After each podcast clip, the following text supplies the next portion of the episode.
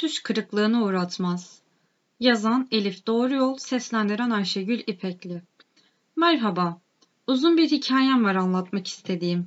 Onu bir şekilde özetleyeceğim. Biz eşimle evlenmeden önce bir radyo programı yapıyorduk. Haftanın üç gecesi radyodan insanlara umut düş kırıklığına uğratmaz diyorduk.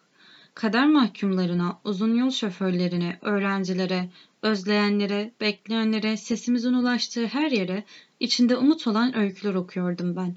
Sloganımıza çok inanıyorduk. Zaman geçti, evlendik ve oğlumuz oldu. Adı Atı oldu ama başına umut da koyduk. Bir gün herkese vermeye çalıştığım umuda bu kadar ihtiyaç duyacağımı hiç düşünmezdim. Umut Ata bebekliğinin ilk, al, ilk 9 ayında gayet normal bir çocuktu. Ama zamanla bir şeylerin ters gittiğini hissetmeye başladım. Hayatımda ilk defa bu kadar küçük bir bebekle ilgilendiğim için biraz abarttığımı düşündüm. İki yaş aşısında hemşire Umut Atan'ın otizm olabileceğini söyledi. İnandıramadım kimseye. Eşim konduramadı. Biri dedi ki erkek çocuğu geç konuşur. Diğeri eskiden otizm mi vardı? Sesleniyoruz Umut Ata bakmıyor, takmıyor. Bizimle oyun oynamıyor, canı istemiyor. Yersiz bağırmaları var konuşamadığı için. Derken oğlum geldi üç buçuk yaşına. Kendi başına giyinemiyor, yemek yemiyor, konuşamıyor, ağlıyor. Sonunda gittim doktora ve otizm spektrum bozukluğu tanısı konuldu oğluma. Dışarıdan bakarsanız anlayamayacağınız ama içinde çok farklı olan bir evladım olduğunu kanıtlayana kadar neredeyse dört yıl geçirdim. Oğlumsa bomboş bir dört yıl geçirdi. Öğrenmeden, konuşmadan, anlamadan, anlatamadan sadece yiyip içip uyudu, uyandı, arabalarla oynadı. Bu gibi, bu gibi durumlarda kimseyi hatta kendinizi bile dinlemeden sadece annelik içgüdüleri ile hareket edilmeli. Yol uzun ama bu yola başlamak için önce en azından evdeki herkesin bu durumu kabul etmesi lazım. Kabul edilmezse o yolda yürümek imkansız oturup üzülüp durumu kendime işkence haline getirirken oğlumun zamanından çalacağımın farkına kısa sürede vardım. Hemen özel eğitime başladık ve aile eğitimlerine de katılmaya başladım. Umut Ata beni 4 yaşına bir ay kala öptü. 4 yıldır ben bir gün beni öptüğü günü görmeyi hayal ediyordum. Başka aileler için çok basit olan her şey bizim için çok büyük olay, sevinç kaynağı oluyor.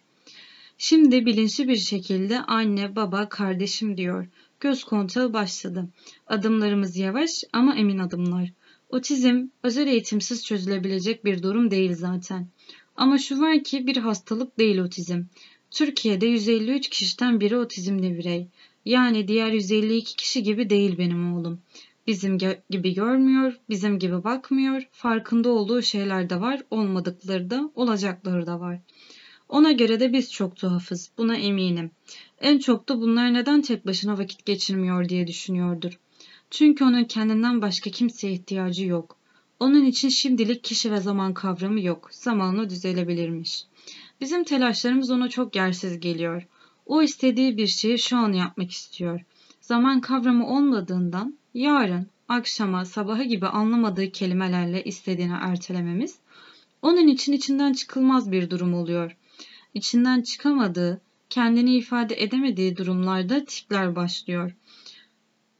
Başını duvara vuruyor, soyunuyor, başını halıya sürtüyor, bağırmaları artıyor, ağlamalar artıyor ve daha birçok şey yapıyor.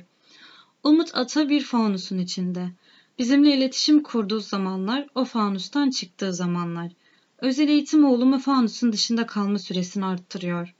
Özel eğitim olmazsa ve eğitimine evde devam etmezsek o fanusun camı kalınlaşıyor. Bizim o fanusu yok etme şansımız yok.